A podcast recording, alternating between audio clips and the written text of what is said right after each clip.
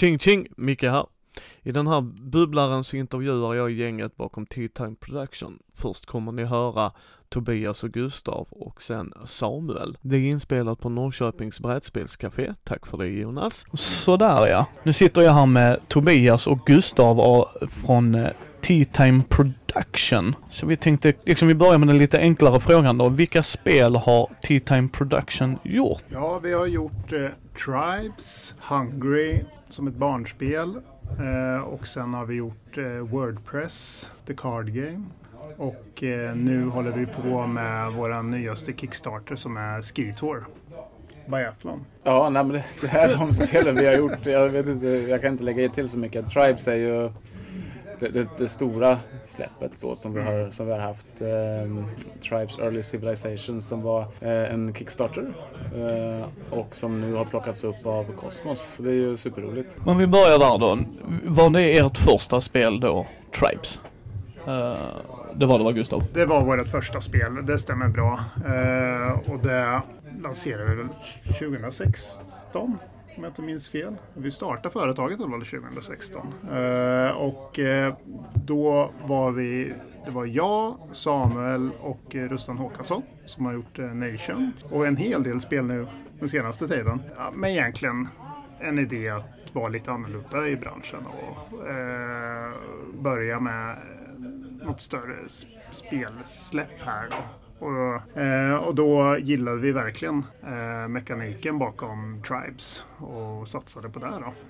Eh, helt enkelt. Om du berättar lite det för de som är brädspelsintresserade. Vad är mekaniken? Vad, vad går spelet ut på så att säga? Ja, mekaniken är, eh, det är en liten blandning. Egentligen är jag nog den absolut sämsta som ska prata om mekaniker här. Eh, för jag har andra roller i företaget.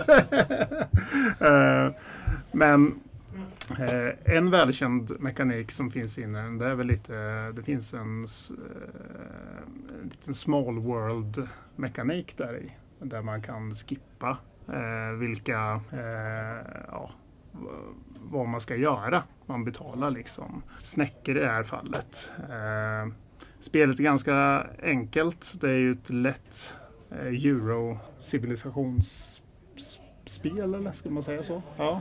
Mm, ja, det är ett spel där man ska bygga, bygga upp sin civilisation eh, 30 000 år sedan. Eh, och man börjar... Eh, spelmekanikerna handlar väl egentligen om att du bygger din stam framför dig. Du skapar eh, ett, ett, spel, ett litet eget spelarbräde, din egen värld framför dig. Och på, det här, på den världen ska du bygga dina hyddor där dina tribes, där dina stammedlemmar bor. Eh, och det gör du genom att ta olika handlingar. Och de här handlingarna eh, som Gustav säger, kommer i en viss ordning och du kan alltid välja den första handlingen gratis. Eh, vill du inte utföra den så kan du betala en snäcka för att ta nästa eller två snäckor för att ta den tredje och så vidare. Och sen så har man ett gemensamt stort bräde Eh, med teknologier eh, och då börjar man då på den första tidsåldern och utforskar de teknologierna som kan ge dig olika fördelar. Du kan bli till exempel starkare eller bättre på att förflytta dig. Ehm, och sen varje teknologi bygger vidare till en ny teknologi. Eh, och de här är slumpmässigt lagda då. Så varje spel blir ju annorlunda för att du har helt nya teknologier egentligen varje gång. Eftersom att det är ganska många teknologier som inte används. Ehm, så att, ja, det det är så det är lite kortfattat det här spelet. Ja, och sen gjorde ni ett barnspel sa du där Gustav, eller hur? Uh, Hungry va? Och det var också med Rustan Håkansson.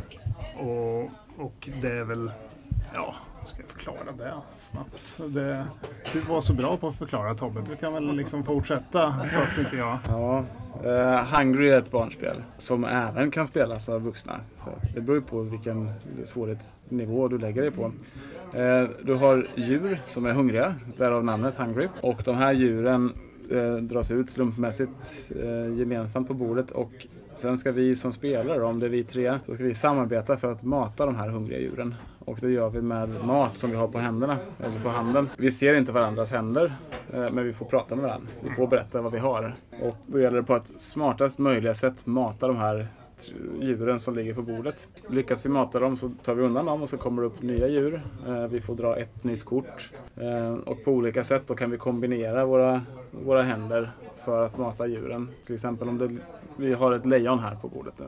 Men ingen av oss har kött. Då blir det lite svårt. Men lejonet är ändå nöjd om han får två av våra andra kort. Så om jag ger honom en nöt och ett grässtrå så blir han nöjd ändå, tror det eller ej. Men det, så, är det, så fungerar lejon. I alla fall i det här spelet. Ja, och den, eh, den går ju även liksom på tid. Och vi har ska, ju även gjort en eh, app till den. Och det är alltså ett jättebra kommunikationsspel skulle jag säga. För mindre barn liksom. Eh, Mm. Så jag, jag har kört den med min tre och fyraåringar. Så att eh, Ja det har funkat skitbra. De tycker det är jätteroligt. Eh, Men det är ett väldigt lätt spel också. Ja, och jag, jag sa att det går att spela för äldre. Vi skulle kunna spela det här och ha jättetrevligt. Eh, just med tanke på att du har en tidspress.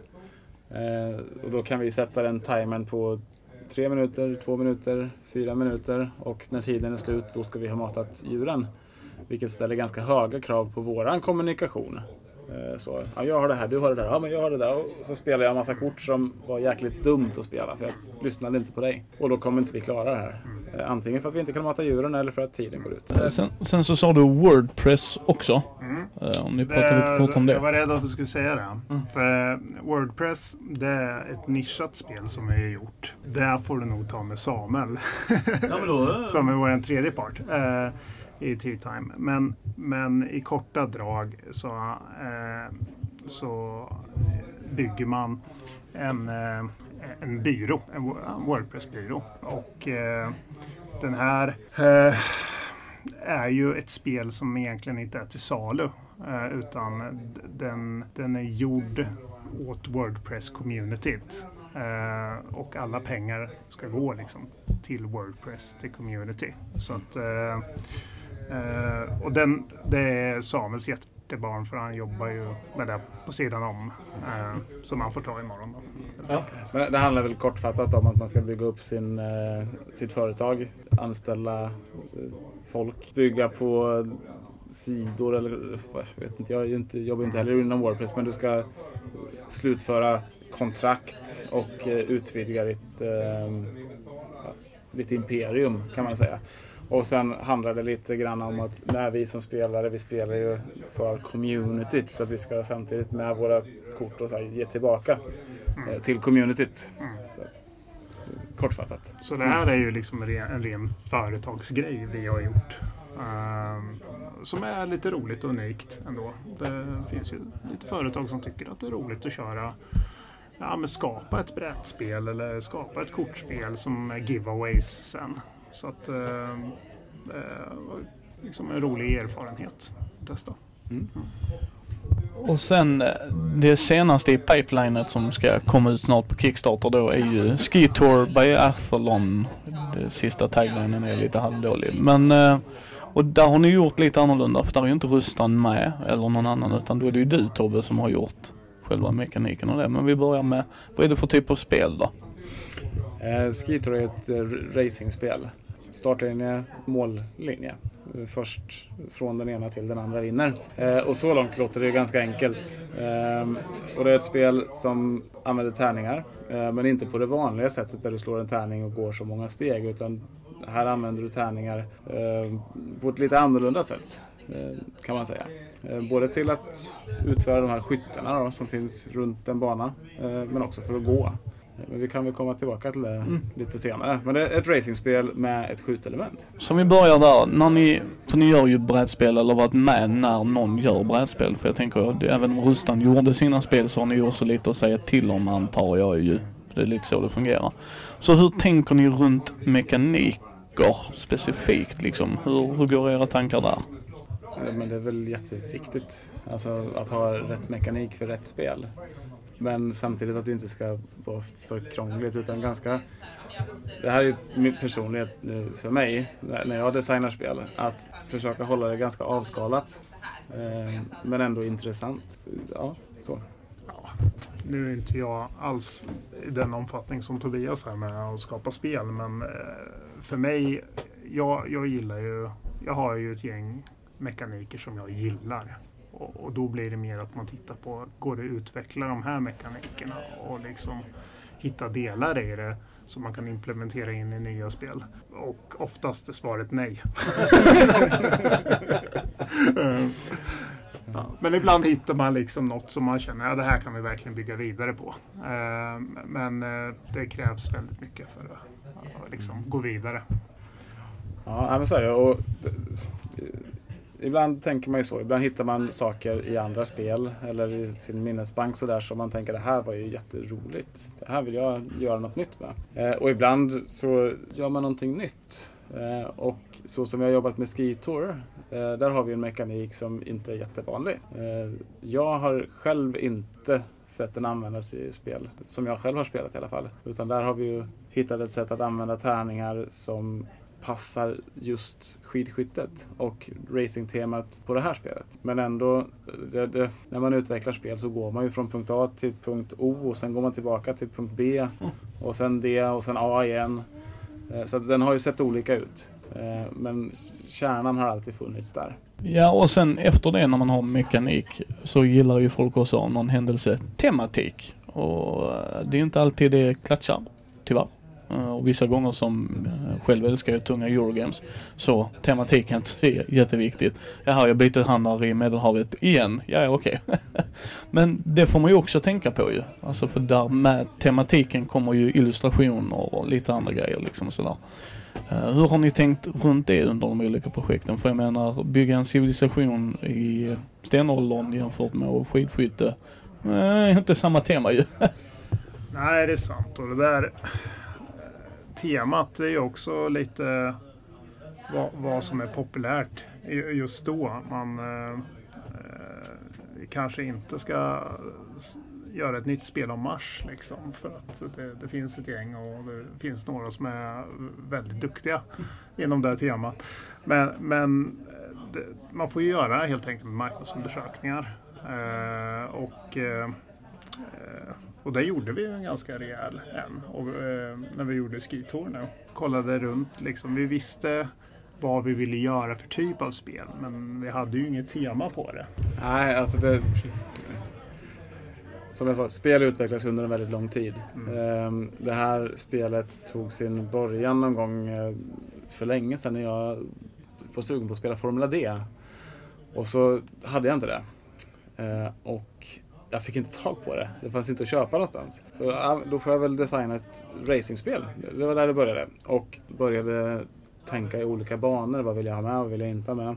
Hur vill jag att det ska fungera? Så det första temat på det här racingspelet var ju eh, elefanter eh, som reds av apor. Och man kunde styra då både sin elefants egenskaper och kusken apan då, hans egenskaper. Och när de red på den här banan. Och sen har ju utvecklingen haft sin gång i det här och det är ingenting av det spelet egentligen som finns kvar i det här skidskyttespelet som vi har gjort, vart, vart vi har slutat. Vad var frågan? hur, hur, har du tänkt med temat där? Varför blev det skidskytte ja, till exempel? Ja, precis. Så har jag. Skidskytte, precis som Gustav säger så gjorde vi en liten marknadsundersökning. Eh, och där fanns en massa olika teman med som folk tyckte var intressanta. Eh, och bland annat då var skidskytte en av de som låg ganska högt upp att det, det liksom saknas eh, inom brädspelsvärlden. Och jag själv är ju så här jättefantast av att titta på skidskytte. Jag gillar inte att åka skidor eh, på längden så själv och jag är säkert ingen talang på att skjuta. Eh, men just den här upplevelsen att titta på det på TV är ju så fantastiskt för att jag ser att det finns så mycket strategi för varje åkare, hur han ska planera sitt lopp hur ska han lägga sin rygg på någon? När ska han göra ett ryck? Eh, vilken energi har han kvar när han kommer fram till skjutningen? Ja, han har ju kört stenhårt nu så missar han fem skott. Hur kan jag spegla det i ett brädspel? Så det var ju en jätteutmaning från början. Så där har vi jobbat med både mekanik och tema parallellt. Ibland kan det vara så att du har en mekanik och så, är det så här, vad ska vi ha för tema? Och så slänger du på någonting bara. Och då kan du slänga på Mars Eh, du kan slänga på civilisationsbyggande på ganska många spel. Du kan slänga på eh, pyramider, alltså de här som många tycker är roliga, eller rymden.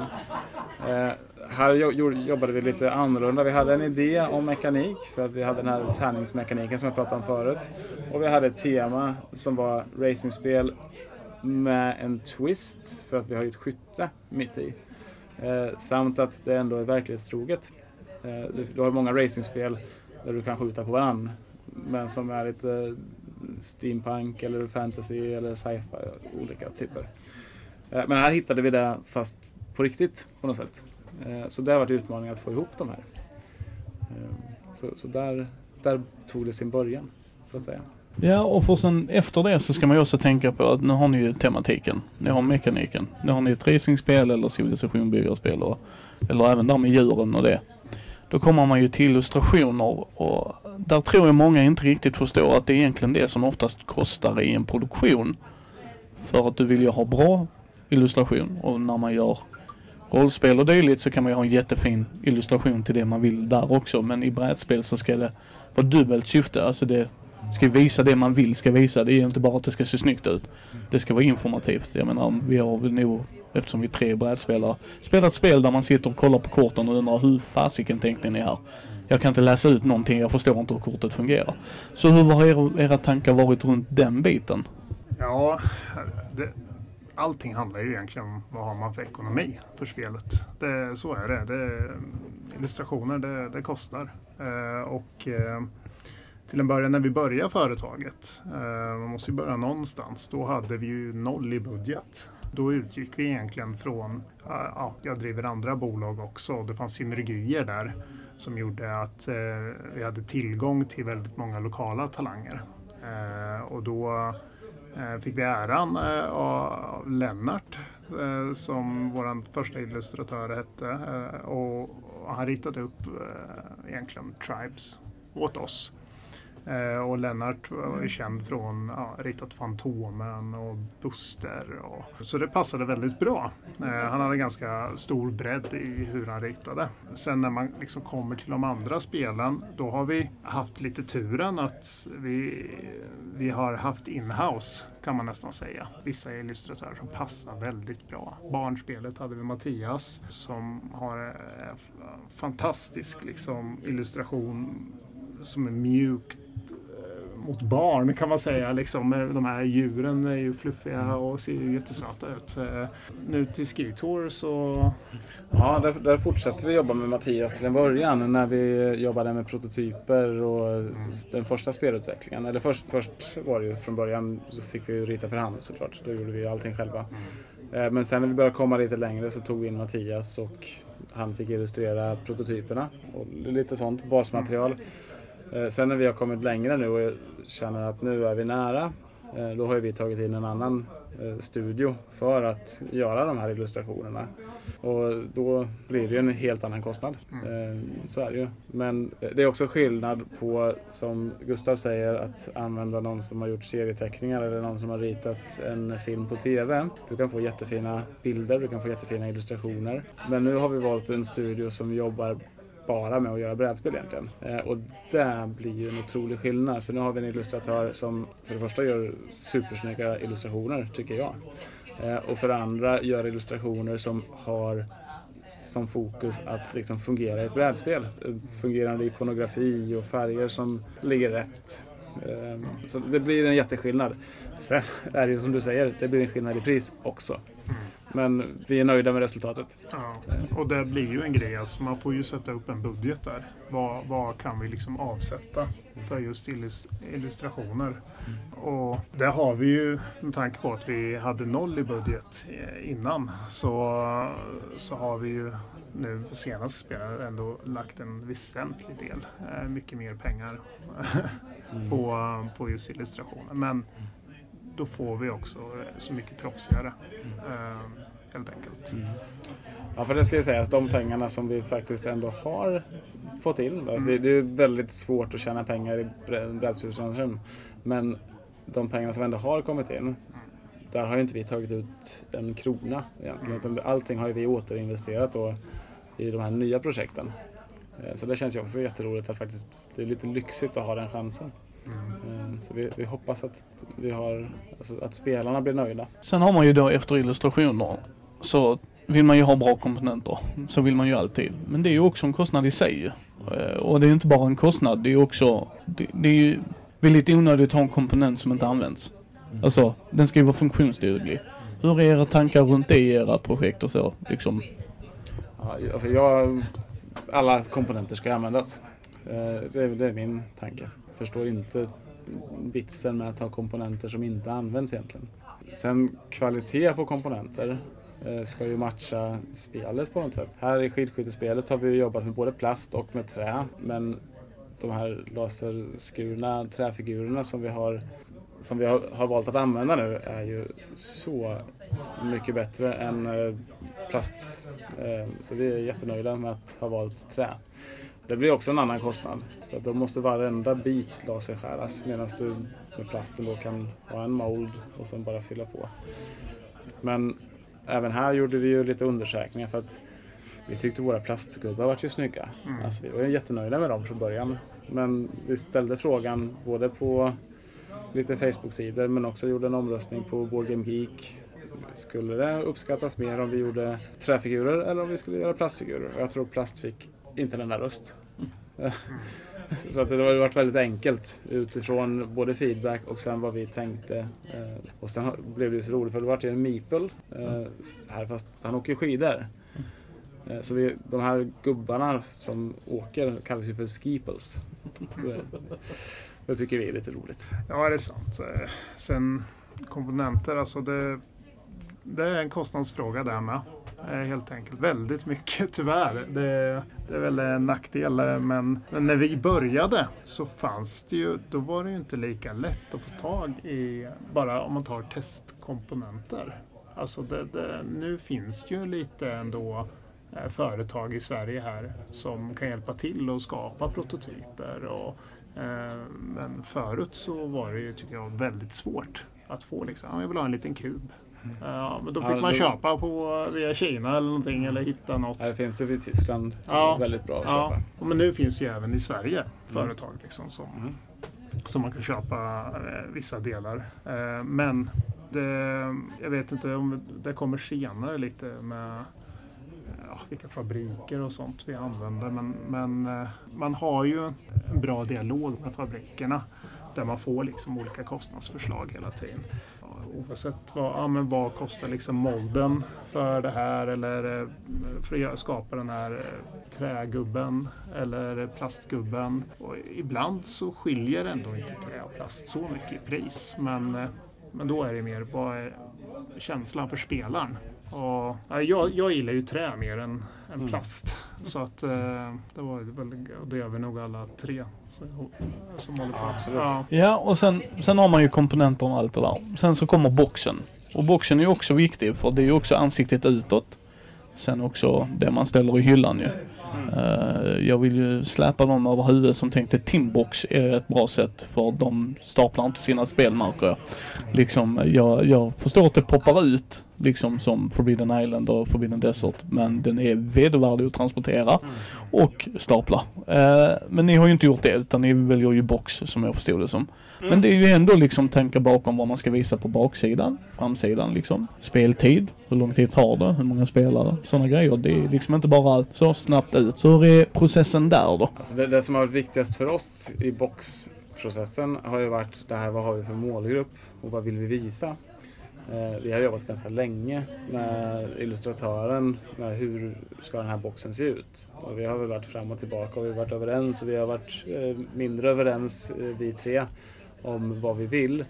Men det, det vi vill förmedla i alla fall, eller det som vi vill med boxen framförallt är att ha en framsida som kan stå på en hylla, både ser snygg ut men också som kan berätta för dig som spelare vad är det här för spel. Eh, och sen som sagt, vi vill ha alla sidor eh, ska vara väldigt tydliga och berätta som du säger, vad är det för speltid, hur många spelare kan vi vara? Eh, Ålder brukar Ålder, tack. Mm. Eh, och också ge en litet, litet intryck av vad, vad är det för typ av spel. Eh, och vad heter spelet. Eh, och baksidan, samma, samma sak. Alltså, Sen, kort förklaring, vad innehåller boxen? Allt det här. Det, det känns som jag, det enda jag säger är ja, så kostar det också. Nej men boxarna är, man, tror, man tänker inte på det kanske så mycket men Eh, beroende på hur stora boxarna är. Det är ju bara att kolla när man skickar någonting med Postnord eller DHL idag. Längd, bredd, vikt. Allting sånt är inräknat. Speciellt eh, när, man, eh, när man fraktar sen. Och, så att kan man få en ganska bra slimmad box så kommer det ju kosta dig mindre i frakt sen. Kan man hålla sig under två kilo, jättebra också. Om hela paketet är där, för då blir det ju billigare. Eh, men där har vi, man, när man pratar med leverantörer, de, de, kan ju egentligen skapa den här boxen hur man vill med inlays och custom made. Och, och det är en kostnadsfråga vad det handlar om. Eh, och, och då är det hur många tror man att man säljer. Och, eh, desto eh, större siffra, desto snyggare box skulle man egentligen kunna göra. Eh, men som vi har gjort våra projekt, det är mycket som har eh, ja, eh, tre av fyra har gått på Kickstarter. Eller nu räknar jag med Skitour som kommer, gå på Kickstarter. Då vet vi ju summan efteråt. Eh, vad vi får in. Eh, och då kan man liksom ta det därifrån och ge det som en överraskning eller säga ja men fan vad kul vi fick in så här mycket. Nu kan vi uppgradera lite grejer och göra det snyggare. Och det är väl det vi hoppas med våra Kickstarter nu. Att eh, vi kommer kunna uppgradera vissa komponenter beroende på hur det går. Mm. Och det mm. kommer även vara stretch goals. Sen är, alltså vi, vi, vill ju, vi har ju lärt oss saker också när vi har gjort våra tidigare ja. spel mm. eh, om kvalitet. Att vi har ju försökt hålla en bra kvalitet men det finns alltid saker som man kan göra lite bättre. Mm. Eh, och det är väl en sak som vi har pratat väldigt mycket om nu inför den här kickstarten. Att leverera på så hög nivå som möjligt direkt. Eh, sen absolut, som Gustav säger, så kommer vi kanske kunna ändra finish eller mm. Ytterligare öka kvaliteten på ja. punchboards och sånt. Ja, och tar man från, tar man från första, eh, första kickstarten, där Tribe, så eh, nu vet vi ju så mycket mer. Liksom hur de trycker det, vilket material, vilket fungerar bättre, hur håller det längre än vad vi... Eh, alltså, nu vet vi ju så mycket mer eh, helt enkelt. Så att eh, det är liksom lär, man lär sig längs vägen. Ja, eh, och sen är det ju då efter det regelboken. Mm. Och med regelboken så kan man göra Vlado Tjuvatols hemska vision att tro att vi kan skriva det huller buller med glimten i ögat. Vilket jag för mitt liv fortfarande inte förstår vilken typ av spel han väljer att göra. Att i ett barnspel kan det fungera jättebra för att det är typ tre sidor. När man har så här 20 sidor så är det inte det jag vill åt. Men sen är det ju också illustration. Det är liksom vad man väljer. Vissa är så dumma i huvudet, ursäkta mig, men rätt upp och ner och inte visar vad komponenter heter. Som liksom du vet så här, det här är kort, men det här är de olika korten. Och då får man sitta och gissa. Mm. Bara, men jag har ju aldrig spelat det här innan, hur har ni tänkt det? Eh, men jag läste den ni visade mig och den var ju bra gjord tycker jag. Sen kan man ju alltid lägga till och grejer man kanske missar och så men, men man har ju ändå en tanke bakom det. För att man vill ju att folk ska spela spelet, inte kasta det i väggen för att man blir arg. Mm. Så hur har era tankar varit där? Alltså när man utvecklar spel så skriver man ju regelböcker under tiden och det som finns i huvudet på en spelutvecklare kan ibland vara svårt att få ner på, på ord eller med ord. Eh, jag ska säga att den regelboken som fanns i det här spelet från början när jag fick förklarade och ville få med allting och jag hade inga bilder, då var det 11 A4 liksom packade. Och jag kände att det här går ju inte. Alltså vad är det? Eh, så att här valde vi att ta in eh, hjälp från eh, en, eh, en, en annan firma som fick titta igenom våra regler och sen jag använde inga bilder som sagt. Och en bild brukar man säga säger mer än tusen ord och så var det verkligen. Så att vi har ju gått från 11 fullspäckade A4 till vad kan det röra sig om nu? Fem sidor A5 storlek med mycket, mycket bilder. Kanske lite mer, jag vet inte. Men, men jättetydlig ikonografi, trevlig att titta på och luftigt. Alltså jag, jag, jag ville ha, jag vet inte om det var du som sa det, men det här barnbokskänslan lite grann på en regelbok. Att jag ska kunna öppna den här och förstå allting direkt. Och det spelar ingen roll om det är ett jättesvårt spel eller ett jätteenkelt spel. Får jag den känslan och det är lätt att hitta, kanske lite färgkodning, Eh, så blir jag mycket gladare och tar längre tid för mig att kasta den boken i väggen. Eh, det ska till att Gustav spöar mig i spelet i så fall. Nej, ja, man ska veta vad man är dålig på och det, det är att läsa regelböcker. Det är jag inget bra på. Eh, men jag, jag, håller, jag håller ju med Tobbe här liksom. Och sen speciellt också när man spelat spelet i så många olika upplagor så blir man ju också lite blind över regelboken. Så att det, eh, jag tyckte det funkar jättebra att liksom lägga ut det här på en annan part också. Och sen så givetvis använda spelgrupper, testare för att liksom titta på regelboken utan att vi hjälper till. Utan här har du regelboken, här har ni spelet. Mm. Liksom, kan ni, förstår ni spelet med bara den här boken? Mm.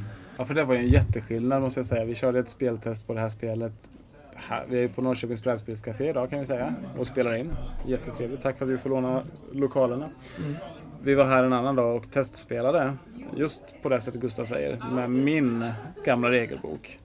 Och det var ju lite plågsamt att sitta bredvid då. Och, alltså, de kom igenom det och de spelade men det var ju väldigt lång regelläsning. Mm. Medan idag, när, när du, vi spelade ju det här spelet innan eh, och du tittade igenom reglerna och fick en ganska god förståelse på tre, fyra minuter. Ja. Eh, så den, eh, den skillnaden är ju så häftig. Eh, så det, där är det också så här, det var ju inte helt Alltså det, det är ju inte gratis att lägga ut det på någon annan. Men det är värt så mycket mer. Och det är också om vi kommer tillbaka till det här som vi har lärt oss. Att vilken produkt vill vi leverera till konsumenten? Vi vill leverera den produkten som vi själva skulle vilja köpa. Och då måste vi kunna inse att vi är inte bäst på allt. Men de sakerna vi är bäst på, de gör vi själva. Mm. Och sen försöker vi ta hjälp med resten och försöka leverera en så bra produkt som möjligt. Så är det ju. Och du rörde på det där också Gustav. Speltester, hur funkar det för er? Eh, hur ser den processen ut så att säga? För det är, det, det är en lång process ju. Och det är viktigt hur man väljer att göra det ju. Ja, till en början med så, så testar vi ju våra spel ganska många gånger själva i, eh, på företaget eh, innan vi går liksom vidare med att ja, men här kanske vi har någonting. Eh, och då, då, då tar vi olika grupper helt enkelt. Och det kan, det kan vara väldig variation på dem. Jag driver lite andra bolag så att några, några kan få testa spelet där och andra vänner och bekanta. Sen även på mässor så har vi ju mm. testat i tidig... Ja, det ska jag säga. Från början då, min familj får ju slita lite, lite hår sådär. Både på sig själva och mig. Innan vi ens kommer dit att vi börjar testa det tillsammans med andra. Eh, det finns ju väldigt många spel som ligger hemma i hyllan som bara testade med min familj och ingen annan. Sen går vi vidare och vi testar tillsammans med oss tre, våra kära fruar får ju stå ut med en del. Eh, så där är det ju första stegen. Eh, och sen är det ju som sagt kanske mejla ut spelet eller ta med sig till mässor, eh, testspela där, skapa spelgrupper, komma till spelcaféer. Alltså, så många ställen som vi bara kan eh, hitta folk som vill pröva de här spelen som kanske är lite defekta. Som kanske har saker som vi måste rulla och tweaka lite på. Och det är supervärdefullt att få hjälp med det där. Så, så mycket speltest som möjligt och det är också alltså, grunden till att det ska kunna bli ett bra spel. För det finns alltid någonting som kan göras lite bättre.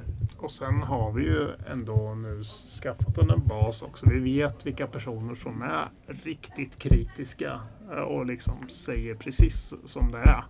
Och det, det uppskattas ju mer i ett tidigt skede än man har bara, ah, men det här var kul, ja, bra. Mm. Uh, utan man vill ha liksom, vad är fel på spelet? mm. vad bör vi förbättra? Uh, och där, där har vi ju hittat några stycken som har sina egna spelgrupper där vi kan liksom skicka och, och få det liksom en ärlig feedback på, mm. på det. Ja, för Thomas sa ju det när vi pratade om det i vår nyhetsavsnitt, avsnitt tre för er som lyssnar på det här, för det kommer lite senare. Eh, så sa han ju det att han hade ju en kompis i gänget som inte gillar tärningar. Och Skitor innehåller tärningar. Mm. Men som vi pratade om att det var ju inte viktigt eh, det är ju viktigt vad du slår men själva värdet på tärningen är inte alltid det viktigaste. I vissa spel är det ju viktigt att nu behöver jag ett år, två eller tre år. Det kan det ju bli här också. Mm. Men det är ju bara för att det är en etta, inte värdet av en etta så att säga. Uh, och det tyckte jag var jättebra också, liksom att när han säger som Thomas sa där och det han nu säger när han gör sin slutplädering där att när man får en sån med sig på tåget som ger en honest feedback liksom att nej men jag brukar inte gilla tärningsspel, men det här var skoj. Okej, okay, ja men då då funkar det ju liksom. Men sen ska ni ju släppa det här på Kickstarter. Och sen har ni ju släppt Tribes på Kickstarter. Det var ju så det fundades från början ju. Men varför Kickstarter? Hur är era tankar där och hur, vad har ni lärt er från då till nu så att säga? Oj, ja. Eh, varför Kickstarter? Ja, men vi gillar väl plattformen och att den går ut direkt till, till spelarna. Eh, och eh Eh, det vi har lärt oss, det, är så mycket så det är svårt att liksom ta upp. För man kan säga vår första Kickstarter så gjorde vi ju alla fel som gick i princip. Vi ändrade spelet under Kickstartens eh, liksom, eh, när den var igång. När man ska liksom ha full fokus på sina backers. Vi, vi tog ju liksom in feedback under Kickstarter-processen och gjorde ändringar utifrån de feedbacken. Eh, och allting vart ju bara mer och mer tidspressat och, och fick presentera en liten annan produkt när eh, än den vi hade från början på Kickstarten. Alltså med, om jag tar Tribes nu. Sen är det, vi gjorde ju allting. Eh, vi gjorde ju eh, ja, beställning från fabrik till vi skeppar varenda spel. Jag tror Tribes gick ut till 40 länder. Eh, vi är ganska naiva eh, i eh, att eh, inte ha restriktioner. Vi bara tyckte det var kul att spelet kom ut. Så vi skickar ju till Irak och Ryssland och Australien och Ja, det var Sydamerika och det kostar ju skjortan liksom att skicka till länder som är långt bort. Och speciellt eh, jag vet, Irak, det, det var ju typ i princip omöjligt och Ryssland kostar ju frakten hur mycket som helst och det är så många restriktioner så vissa spel fick vi skicka tre, fyra gånger innan det kom fram. Vilket gjorde att fraktkostnaderna åt ju upp alla former av marginaler som fanns. Liksom.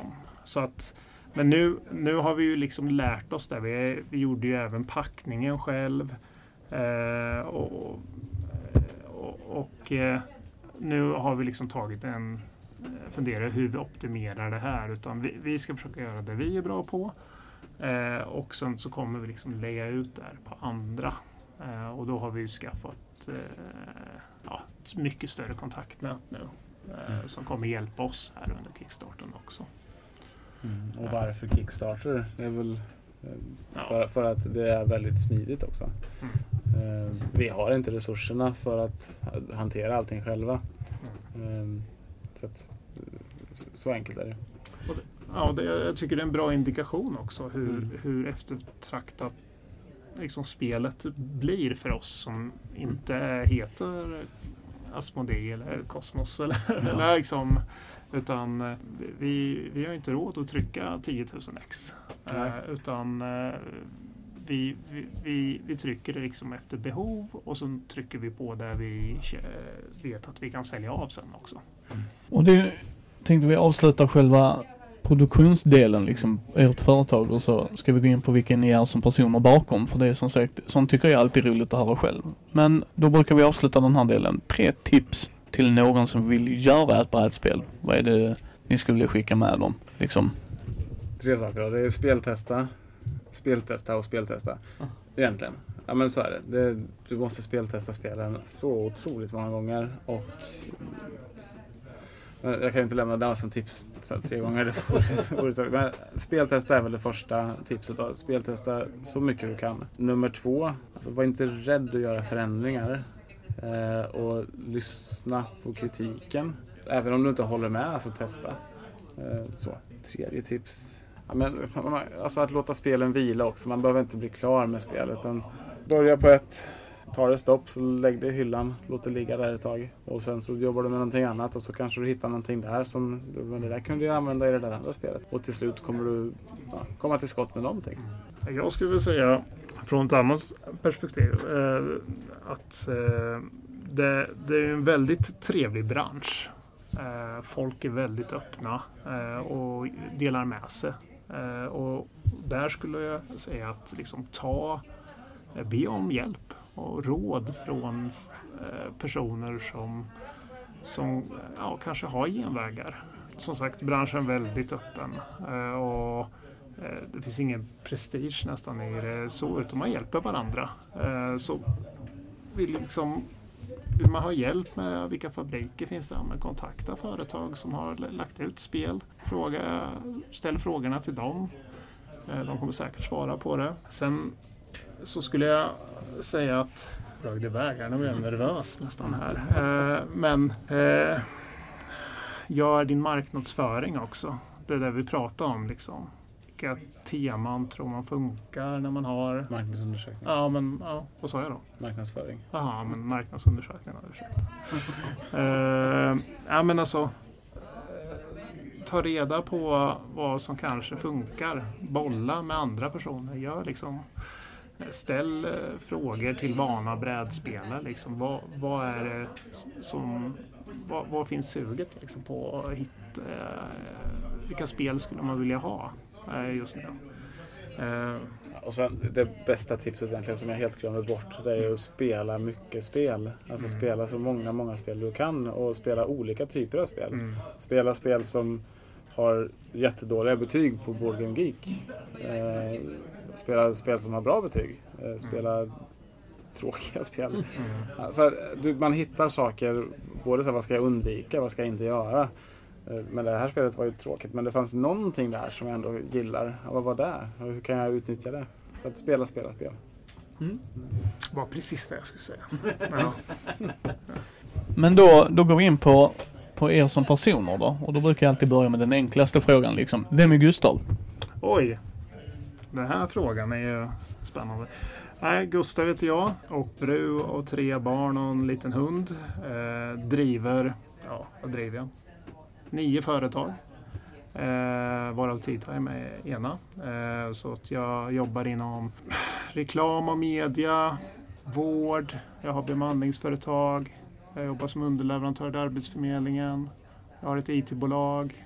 Jag Ja, spel, leksak och spelbolag, det viktigaste.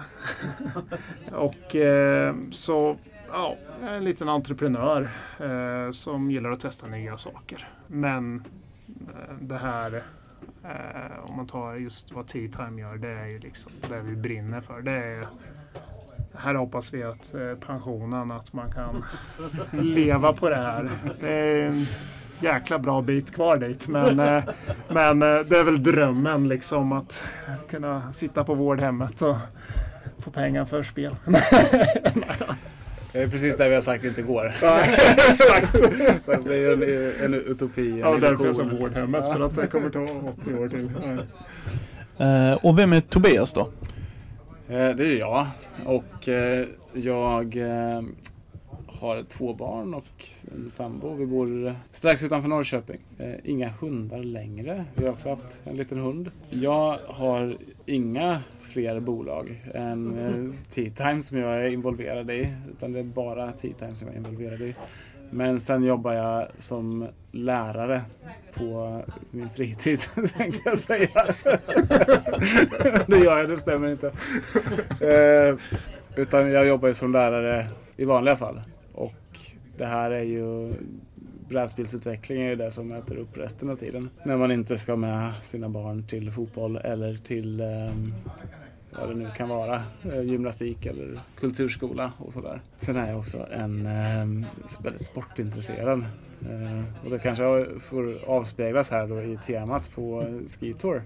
Men annars är det framförallt fotboll och eh, Liverpool som är min passion. Så. Eh, det är du och din far som får med det där. Ja, hela tiden. Ja. Ja. Eh, noll sportintresserad här själv men eh, fast lite skidskytteintresserad tror jag du är efter ikväll. nej. Nej. Nej. Eh, men jag har inga problem med sportteman i spel. Alltså Nej. sådär men jag har noll koll. Så att, men då börjar vi med dig här med den här frågan Tobbe. Ditt tidigaste spelminne?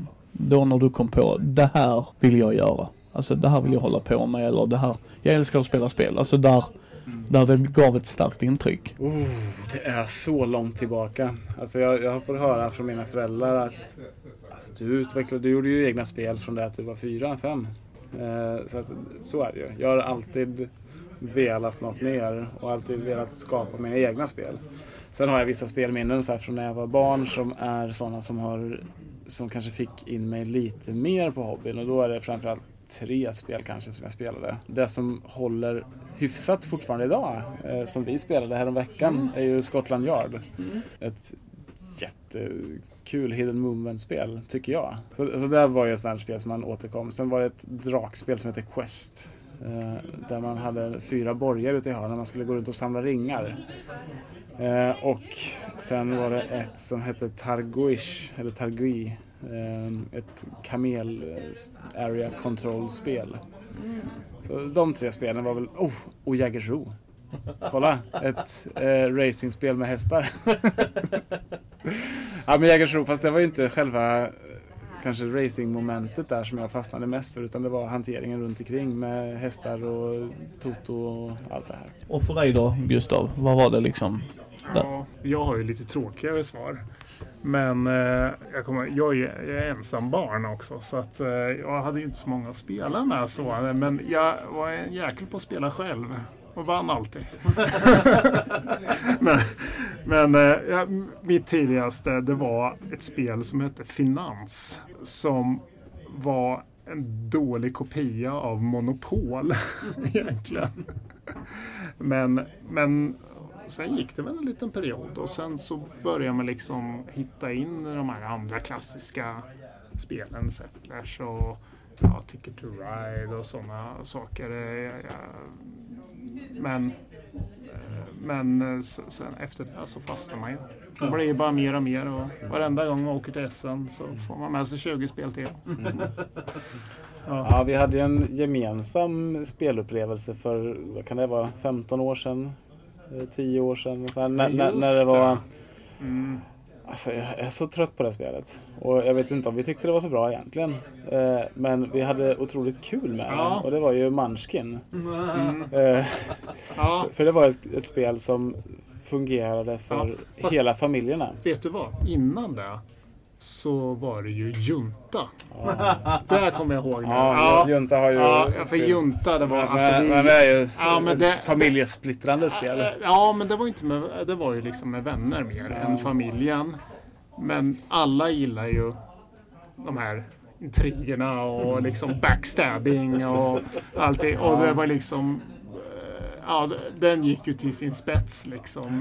Ja, vi spelade verkligen junta på riktigt. Vi ja. hade där, man, man spelar några minuter tillsammans och sen är det en kvart för att samtala.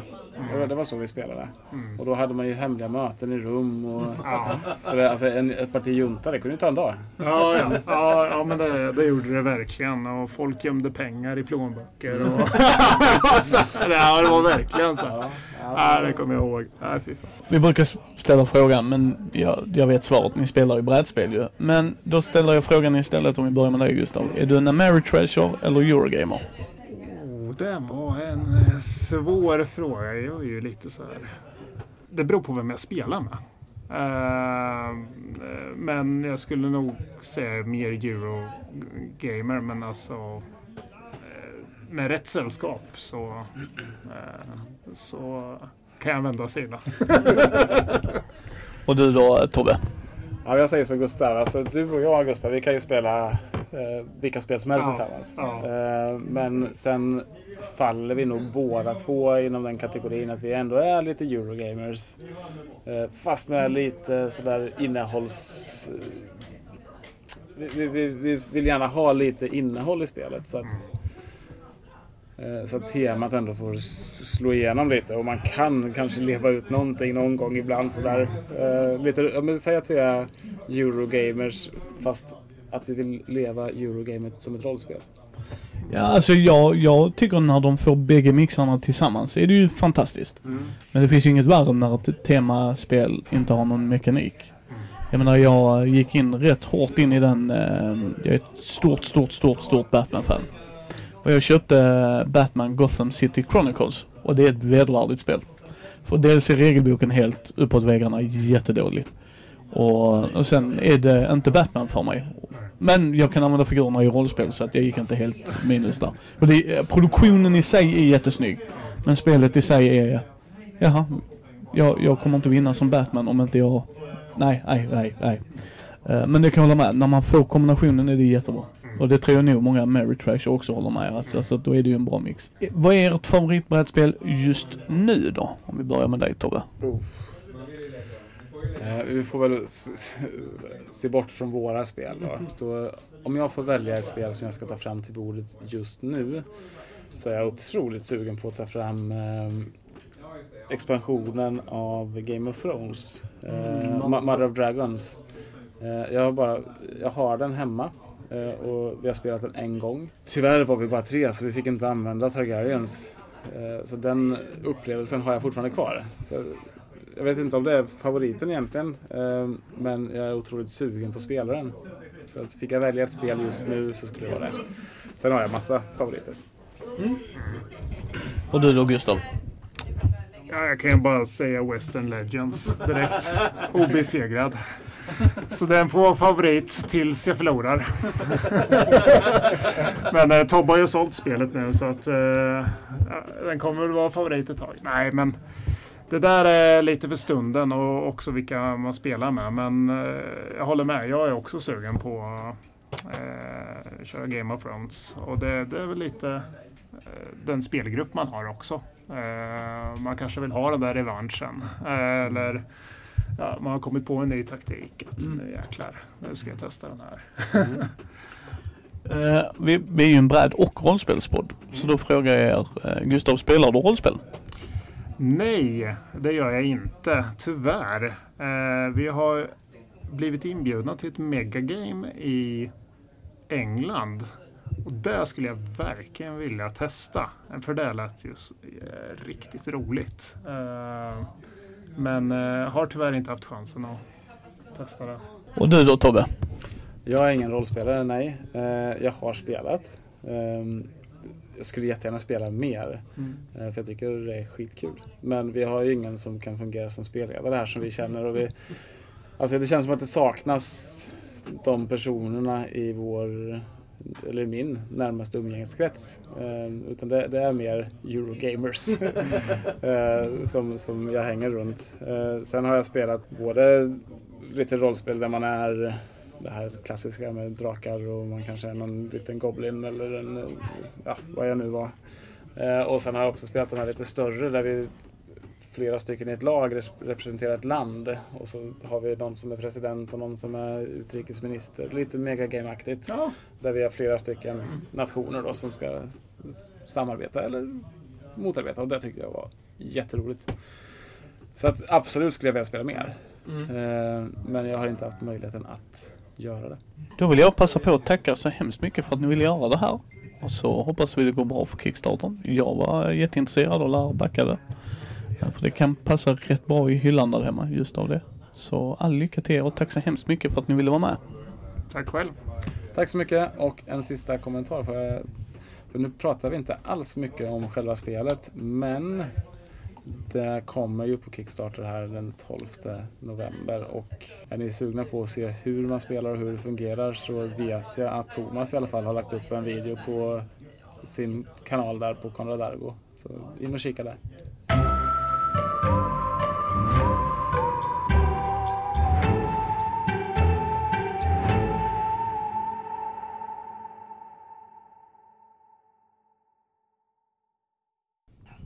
Sådär, nu sitter jag med Samuel från Tea Time Production. Eh, välkommen till Mindis. Tackar, tackar. Eh, vi, I början på den här in, intervjudelen så hörde vi ju Gustav och Tobbe, så vi tänkte vi ställer lite samma frågor till dig där. Eh, hur, di- hur dina tankar är. Ja. Och de till och med passar i en boll som du ska få prata lite mer om, för det var lite mer ditt projekt. Men ni har gjort Tribes, Ja. Hungry, Japp. Wordpress, Wordpress the Card Game. Yes. Och sen eh, nu då Ski Tour. Uh, Biathlon. Eh, men vi börjar där då. Hur såg din process ut med Du var ju med och grundade Ja. Tea Time. Så om vi börjar där. Hur kom det sig liksom?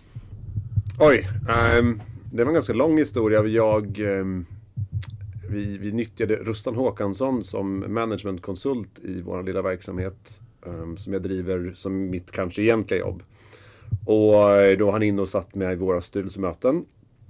Och under en, under en lunch så eh, hade vi eh, hade några minuter över satt och snackade lite skit innan, innan nästa möte. Och då satt han och, och pratade om hur man skulle kunna jobba för att effektivisera branschen och hur, eh, hur man skulle kunna jobba bättre med leverantörer och, och vad, det nu var för någonting. Och då tyckte jag att det var ganska roligt. Jag har ju någonstans någon form av skada med Excel-filer och eh, matematiska formler. Så jag gick hem på kvällen och kunde inte sova och räkna lite på hur, eh, hur det här skulle kunna funka att göra själv. För jag har under väldigt, väldigt många år varit en inbiten brädspelare.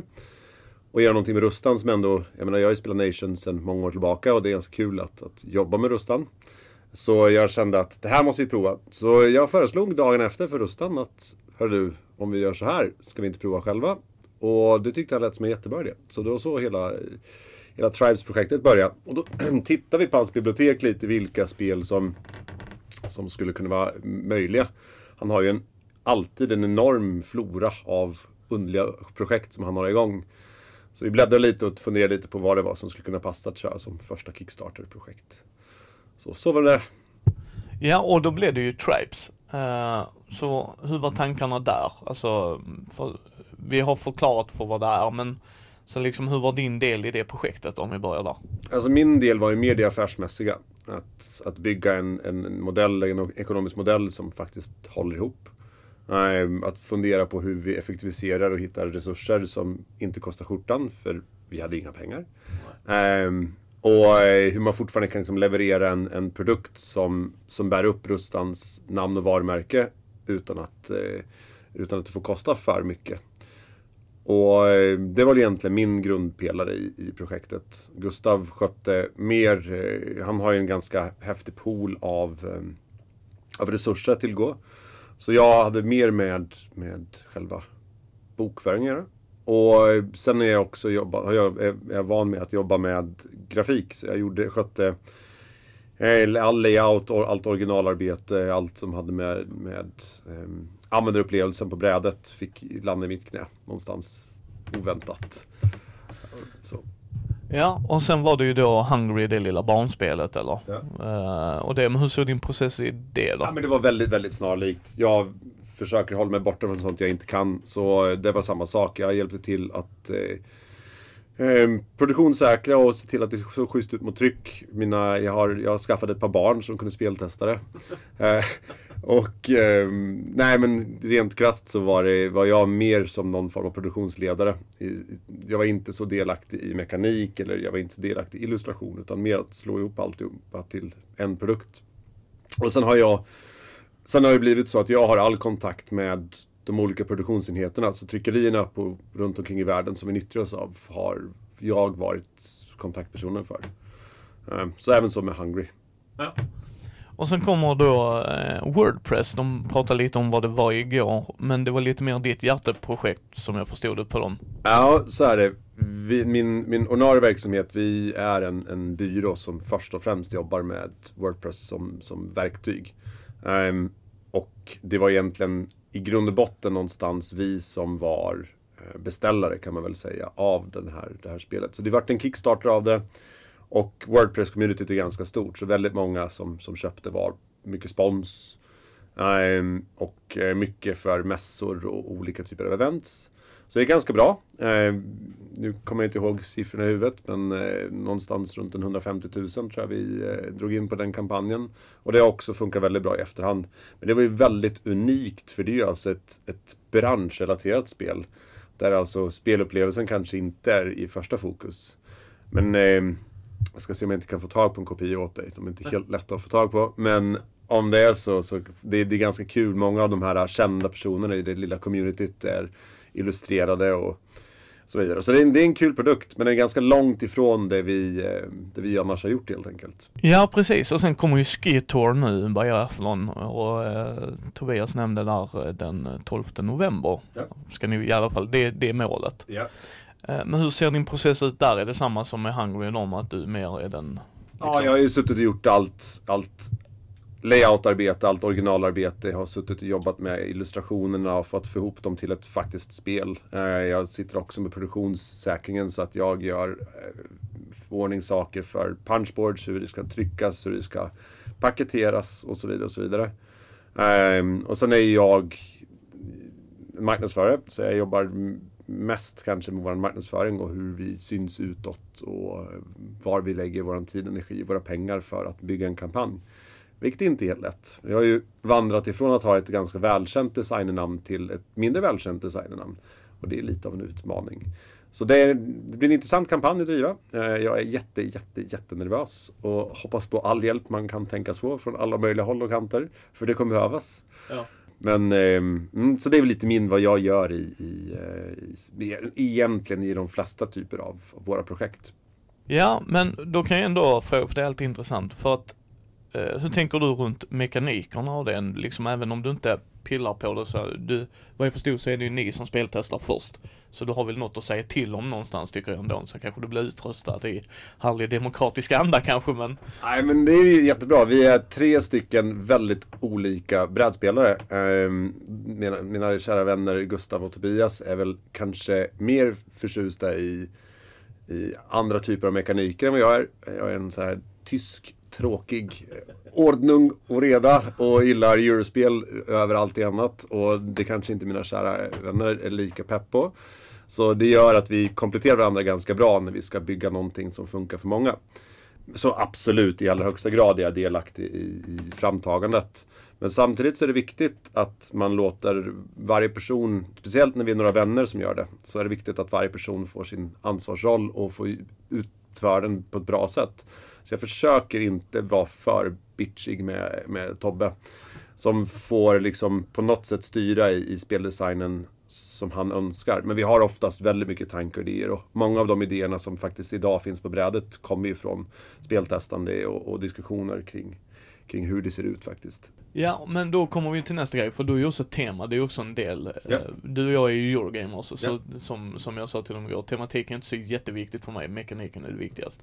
Men hur är det där? För det, det blir ju ändå viktigt, det blir det ju. Ja. För att jag menar, det är ju en stor skillnad på både IP-grejen, du som tar hand om kanske mer den business-delen och där, men hur, hur är tankarna där? Ja, men tankarna var ju... Ursprungstanken var ju egentligen att vi insåg att det första temat var svårt. Eh, jag menar apor och, och elefanter. Let's face it, det kanske inte riktigt är en, en kioskvältare. Men, eh, men sen så försökte, vi, försökte vi hitta någonting som, som faktiskt några av oss brann för. Och jag menar vi är alla tre eh, sportnördar. Och tycker alla det är ganska kul att, att följa den här typen av aktiviteter. Och eh, det tror jag var där det landade i, i Ski Tour egentligen. Sen insåg vi också någonstans att eh, om du har ett tema som, som inte finns någon annanstans så sticker du ut. Eh, antingen är det katastrof för att det är ingen som någonsin skulle bry sig om ett skidskyttespel. Men vi tittar lite på typ Flam Rouge, eh, Formula D och så vidare där ganska abstrakt eller, ovanliga racingteman gör ett väldigt, väldigt populärt spel. Så vi hade väl en förhoppning om att vi kunde på något sätt sticka ut också på marknaden. Eh, och sen så tematiskt sett så är det ganska, det var ganska lätt att koppla ihop ett, ett skidskyttespel med skidskytte. Mycket mer svårt i vissa andra lägen när man ska försöka liksom muskla in ett tema på en, på en mekanik. Vilket eh, jag som eurospelare oftast inte bryr mig om. Eh, men, eh, men det är alltid kul om det håller ihop på något sätt. Och här finns det faktiskt. Här har vi jobbat extremt mycket med att få, få flödet i skidskytte att följa med in i brädspelet. Mycket, mycket mer till exempel än kanske Tribes. Där mekaniken verkligen var i, i första fönstret. Så det är mer ett tematiskt riktigt spel och det, tanken är, och, och även min känsla kan vara lite partisk, men är att det upplevs ju faktiskt som ett race på riktigt. Ehm, det tycker jag är en ganska kul upplevelse. Men det tyckte vi. Jag har spelat i morse också nu med Jonas och Maja här och jo, men det, det är ju ett race. Och det, det blir roligt även om man har skidskyttedelen där. Men sen är det illustrationer och det som vi pratade lite igår att många förstår inte att det är inte komponenterna som kostar så jättemycket utan det är illustrationerna som faktiskt springer iväg. Både när vi pratar med rollspelsskapare så liksom, jo det är tid de sitter och jo du behöver någon som korrekturläser. Absolut det kostar men det är ingenting jämfört med illustrationer. Så hur är dina tankar där då? För som sagt ni är ju ett team på tre så din input är ju lika viktig också skulle jag tänka mig. Nej men där var vi jätterörande överens. Var det någonting vi fick otrolig kritik för under våran Tribes eh, Kickstarter så var det kvaliteten på illustrationer. Och kvaliteten på finisharbetet egentligen. Och det kände vi att det ville vi inte göra om igen. Så vi var ganska rörande överens om att de, de, det lilla kapital som låg i bolaget, det skulle investeras i, i schyssta illustrationer. Så vi, vi la allting på ett kort egentligen när vi, när vi gjorde, när började göra Skitour. Och då letade vi lite eh, lokalt, regionalt, nationellt och internationellt över en vettig möjlighet helt enkelt. Vi, vi är inte eh, Eh, vi är inte superstora som förlag eller som producent. Vilket gör att vi var tvungna att tänka oss för två, tre gånger. Men vi ville samtidigt ha någonting som såg tematiskt sett riktigt, riktigt bra ut. Så det var jättesvårt. Det, det föll eh, på en... Vi tog in ett par förslag från ett par olika, eh, från olika delar av världen. Så just placeringen, jag tror att vår illustratör idag är från Indien. Det var mest en slump för att han levererade absolut bäst resultat i slutändan. Vilket känns jättebra. Så vi har hittat en... Vi är, vi är ruskigt måna om att hitta riktigt, riktigt bra partners. Samma sak när vi producerar spelen i, med fabrik och, och, och hela produktionsledet. Är, jobbar vi mycket hellre med någon som är 10% dyrare. Som tyvärr rinner ut på spelpriset sen. Men mycket hellre med någon som är 10% dyrare. Och som gör ett riktigt bra jobb som vi kan lita på. Som är schysst att göra med. Som har en bra dialog. Än någon som är 10% billigare. Och som är omöjlig att jobba med och eh, risker, där, man, där det dyker upp en massa risker. Och likaså tänkte vi också med illustrationerna. Det har funkat som en dröm. Vi har haft en jätte, jättebra dialog med illustratören. Så det känns jätte, jättebra. Ja, och sen har man ju då komponenter, för det blir ju fortfarande viktigt någonstans ju. Även vi Eurogamers, även om vi inte älskar 7 ton plast. Jag kan göra det på typ Batman är min favorit. Så att när jag fick 7 ton Batman-plast så blev jag glad. Ja. Men, men i en Eurogrej så, det ska fylla en funktion nu. Jag, jag får ju eksem av plast på riktigt. jag, vill ha, jag vill ha träkuber så fyrkantiga som tekniskt möjligt. Nej men jag, jag, jag gillar tema. Jag, man, jag ska inte sticka under stol med att jag tycker tema är kul och jag tycker att det är roligt när man tar ett spel från platt till lite mer tredimensionellt. Bara man undviker plast. Mm, precis, men man måste ju ändå tänka på dem för att även om man har kuber så vill man ju inte ha kuber som är en spinkar liksom. Uh, men hur är din tanke där när ni liksom, de kommer med ett projekt liksom, du, du vägrar plast men Sen nej, jag vägrar inte plast. Men, men eh, jag kommer i alla fall argumentera mot det. Ja. Eh, nej, men det, var, det, är jätteviktigt att här ville vi också ha en, en bygga en upplevelse som var lite större än, än ett plattspel. Så därför så, så var vi ganska rörande överens tidigt om att vi vill ha ett djup och då, eh, i och med att vi just i det här spelet, också ekonomiska skäl, inte vill jobba med plast så, så gick vi ganska fort på någon form av custom meeple och lite custom trämodeller generellt sett.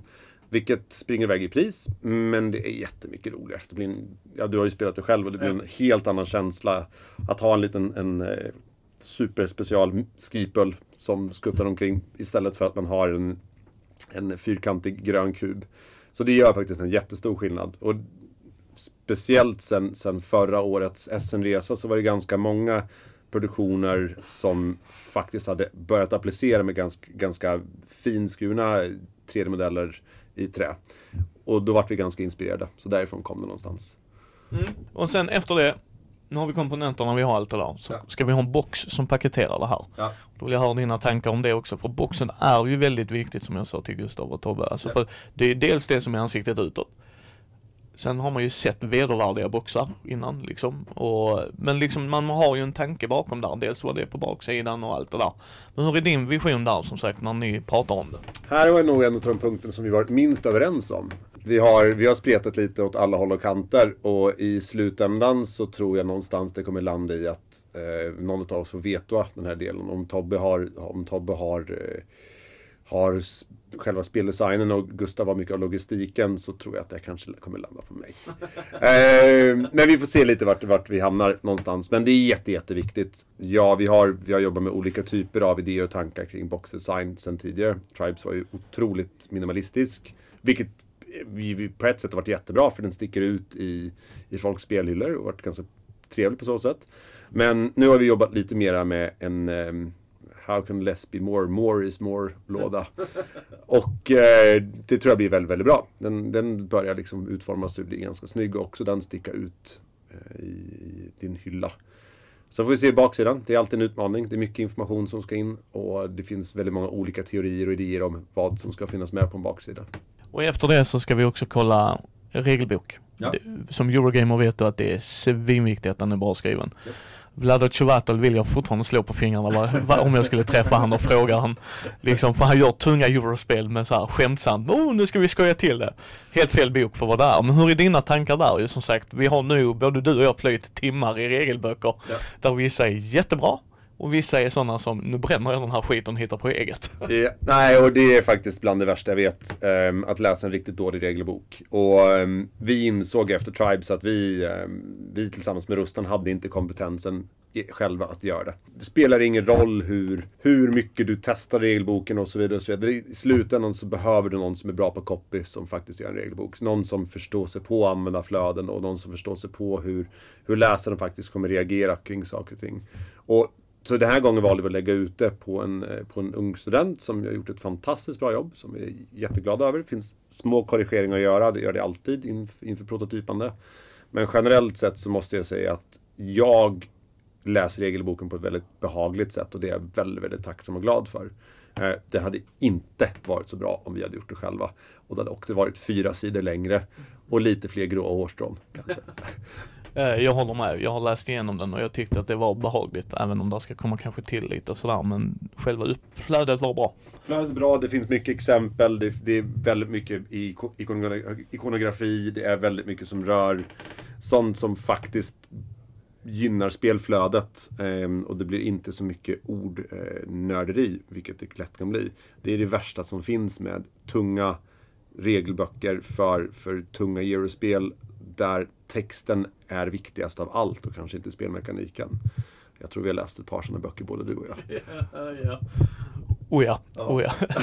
Eh, hur är dina tankar runt speltest? För Ja. det ska ju speltestas och det ska ju speltestas. Uh, du kommer få svara det också. Jag vill ha tre tips av dig till folk som vill göra det. Ja. Och vad Tobbe sa var ju det speltesta, speltesta, speltesta och det kan jag hålla med. Men vad är dina tankar där? Ja, men det finns väl, det är, det, jag tycker det är en trestegsraket egentligen. Att, till att börja med så ska du själv tycka din produkt är kul. För gör du inte det, tycker du att, inte att det blir roligt så, så kommer du inte kunna pitcha det till någon annan heller. Så det är det viktigaste, att när du speltestar, se till att du gör någonting som du tycker är kul. I nästa steg så ska du också se till att andra tycker det är roligt och faktiskt förstår det och att det inte är trasigt för andra. För du själv har en ganska inbiten idé i hur det ska funka och hur mekaniken ska rulla. Oavsett om det är Ameria eller om det är Euro så, så är, någonstans så måste ju ändå komponenterna sitta ihop med varandra och spelet ska funka. Så nästa steg är ju att inte bara prova själv med egen spelgrupp utan tillsammans med andra spelgrupper spela spelet. Så du kan förklara, så du har möjlighet att visa och tänka och så vidare. Men spelgrupperna får också spela spelet själva. Det är fortfarande en ganska liten skala.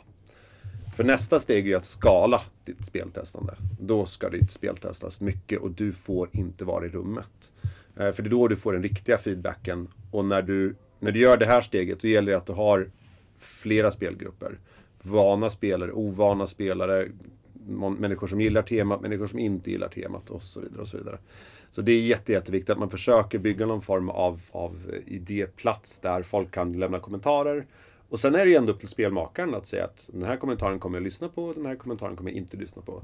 Men du kommer hitta saker som är trasiga med spelet, eller med reglerna, eller med någonting annat. Om du börjar trycka speltestning med skala. Och jag håller med Tobias, volym, volym, volym, volym. För ju mer finslipad diamanten är, desto bättre blir det egentligen i slutändan. Och det värsta som finns är att hitta buggar i slutprodukten. Been there, done that. Men, men så är det ju, så är det ju. Ni väljer ju Kickstarter. ja. Vad är dina tankar där? För vi pratade med dem och de fick säga sitt liksom sådär. Men vad är dina tankar runt Kickstarter och varför just den plattformen?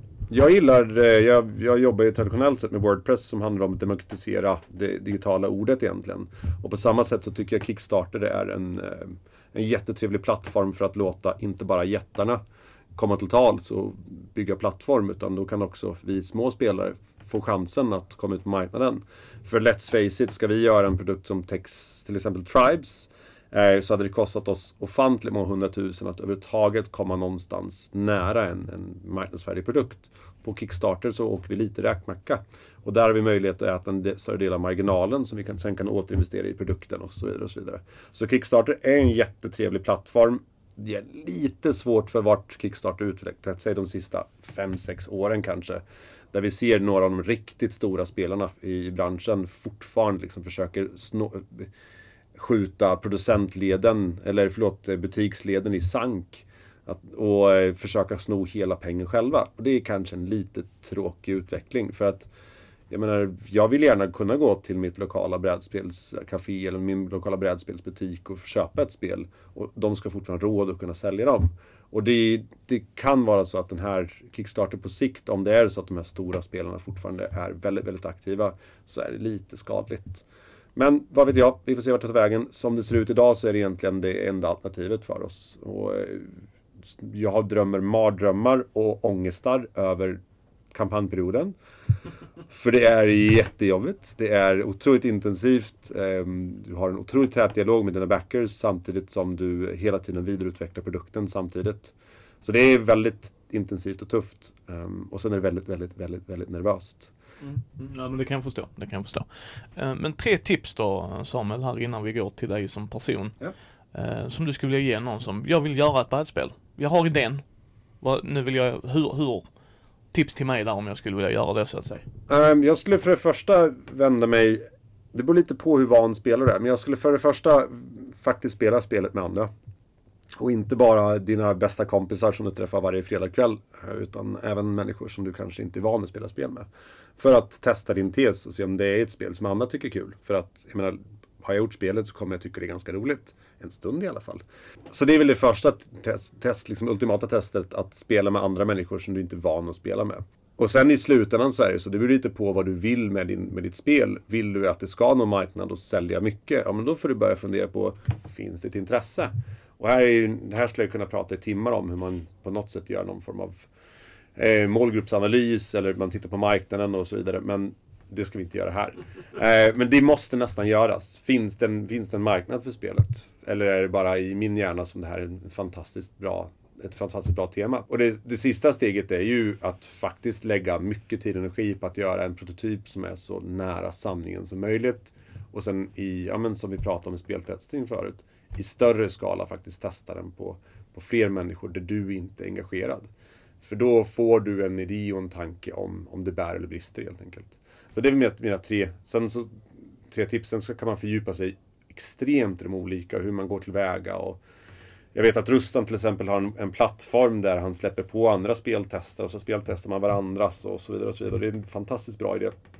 Det är ju ett sätt att nå ut på och på, på marknadssidan finns det en miljon olika sätt man kan gå tillväga för att på något sätt hitta en målgrupp som passar. Men det här det, tar, det, det är en väldigt stor eh, avvägning man ska göra innan man bestämmer sig för att lägga alla de tusentals timmar det är på att nå från prototyp till, till leverans i folks brevlådor. Ja, och det är inget man skojar bort det heller ju. Och nu kommer vi till dig som person då, så jag börjar med den enklaste frågan då. Vem är Samuel?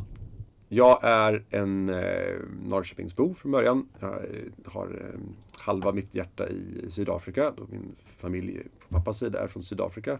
Så jag hänger ner i Kapstaden då och då. Och i Norrköping så bor jag med fru och tre barn. Och driver tillsammans med min kollega Jimmy en, eh, en eh, e-commerce eh, produktionsbyrå kan man säga. En, jag, jag, får inte säga reklambyrå för det, då ramlar jag ner i träsket.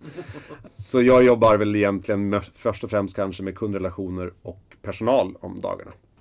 Så det är ganska långt ifrån vad jag gör i brädspelskapandet och det är det jag också tycker är så fantastiskt kul i just spelskapande att man får en fysisk låda i handen med någonting som man själv har byggt.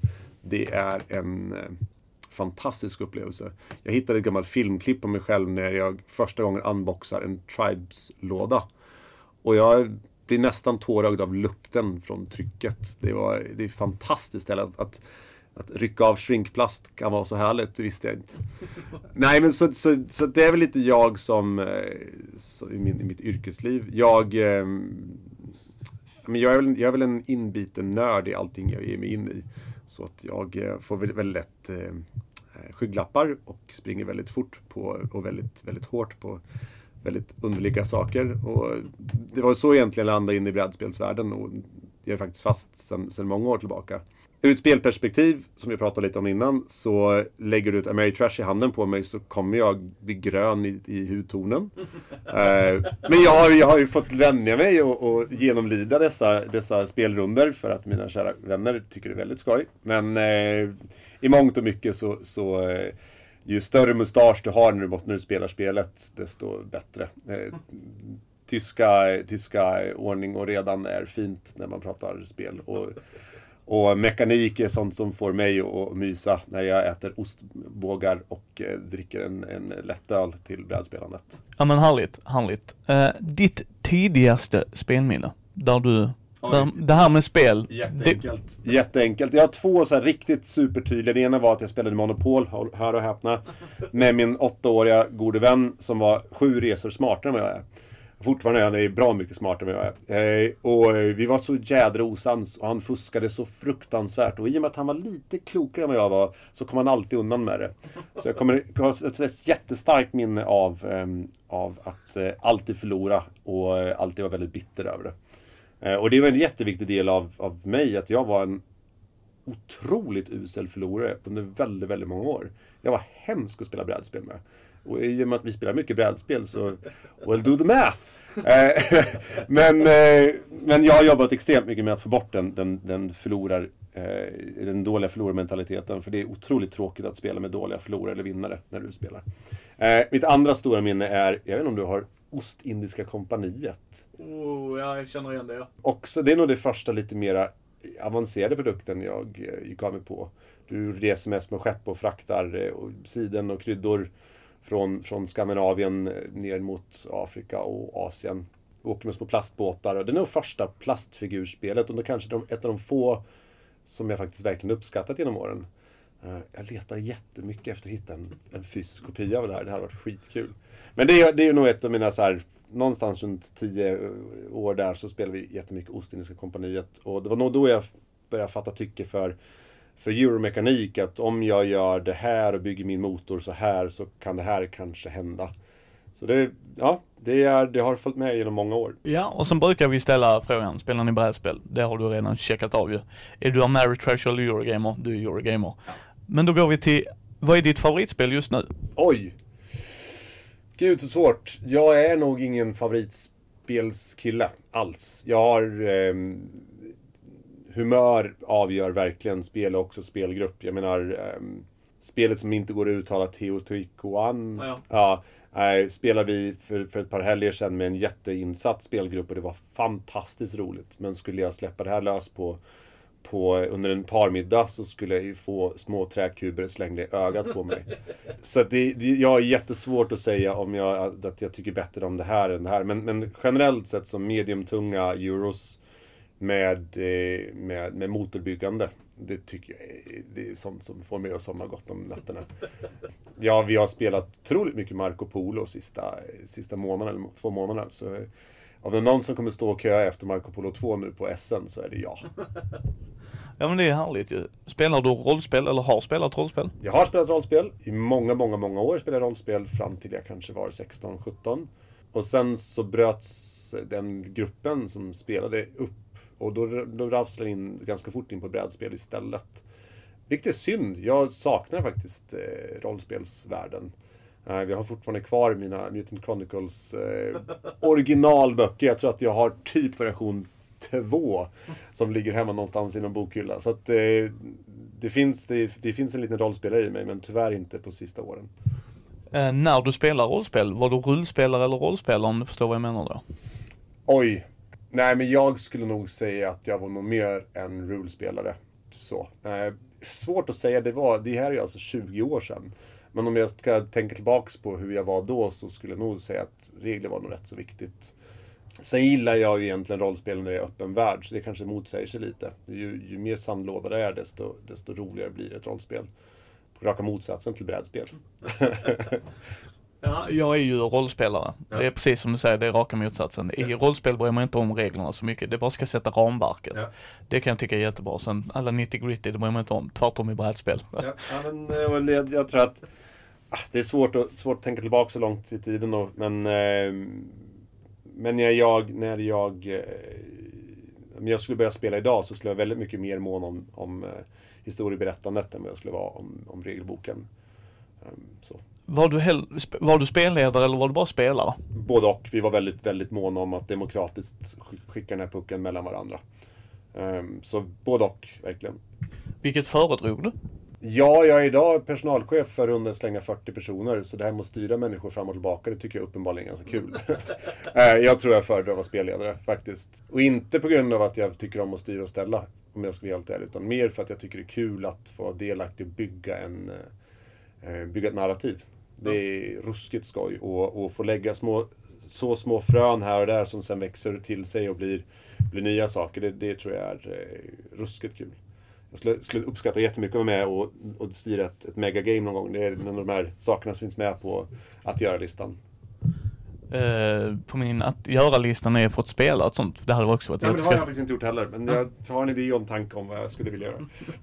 Uh, vilket är ditt favoritrollspel någon när du växte upp? Vad var det som Mutant. kom till? Det var Mutant. Absolut, inte ens kanske. Ja, vi spelade lite olika genom åren, men MUTANT tycker jag fortfarande är... Eh, eh, jag, är jag, jag är ju en, en, eh, en sucker för eh, neonpunk. Alltså, det tycker jag är skitkul. Så att, eh, nej, absolut inte ens kanske. Ja. Ju dystrare dystopin är, desto bättre. Ja, det är ju härligt. Eh, och sen tänkte vi avsluta med, vad tycker du är så underbart med den här hobbyn? Jag glömde ställa den frågan till eh, dina kollegor, så att du får svara för dem också. Nej men jag jobbar digitalt, jag, eh, jag lever mitt liv digitalt, jag sitter i princip fast med, med en mobiltelefon i handen ständigt. Jag eh, tittar på dumburken när jag innan jag går och lägger mig därför tycker jag det är jätte, jätteskönt att faktiskt få umgås med människor på ett sätt som inte styrs av en rörande skärm. Eller en skärm som rör sig. Eh, det tycker jag är fantastiskt trevligt. Och sen, jag menar, jag gillar människor. Jag tycker det är härligt att umgås. Och brädspel är ett väldigt, väldigt sätt att tvinga människor att faktiskt umgås med varandra. Så det är, det är nog grund och botten varför jag, varför jag fastnar i det och varför jag har lurat min, min kära fru att fastna i det och varför mina barn också spelar. Så jag tycker det är jätteviktigt att faktiskt inte bara vara inlåst i, i en låtsasvärld hela tiden utan också träffas och umgås tillsammans. Då vill jag tacka dig så hemskt mycket Samuel för det här. Tack själv! Det här var jättekul. Spännande. Tack för att ni har lyssnat på Mindys bräd och rollspelspodd. Ni hittar oss på mindy.nu eller Mindys bräd och rollspelspodd på Facebook, Instagram, Twitter och Youtube. Gå gärna in och ge oss betyg på vår Facebook-sida och iTunes så att fler kanske kan hitta oss. Så hörs vi igen nästa måndag.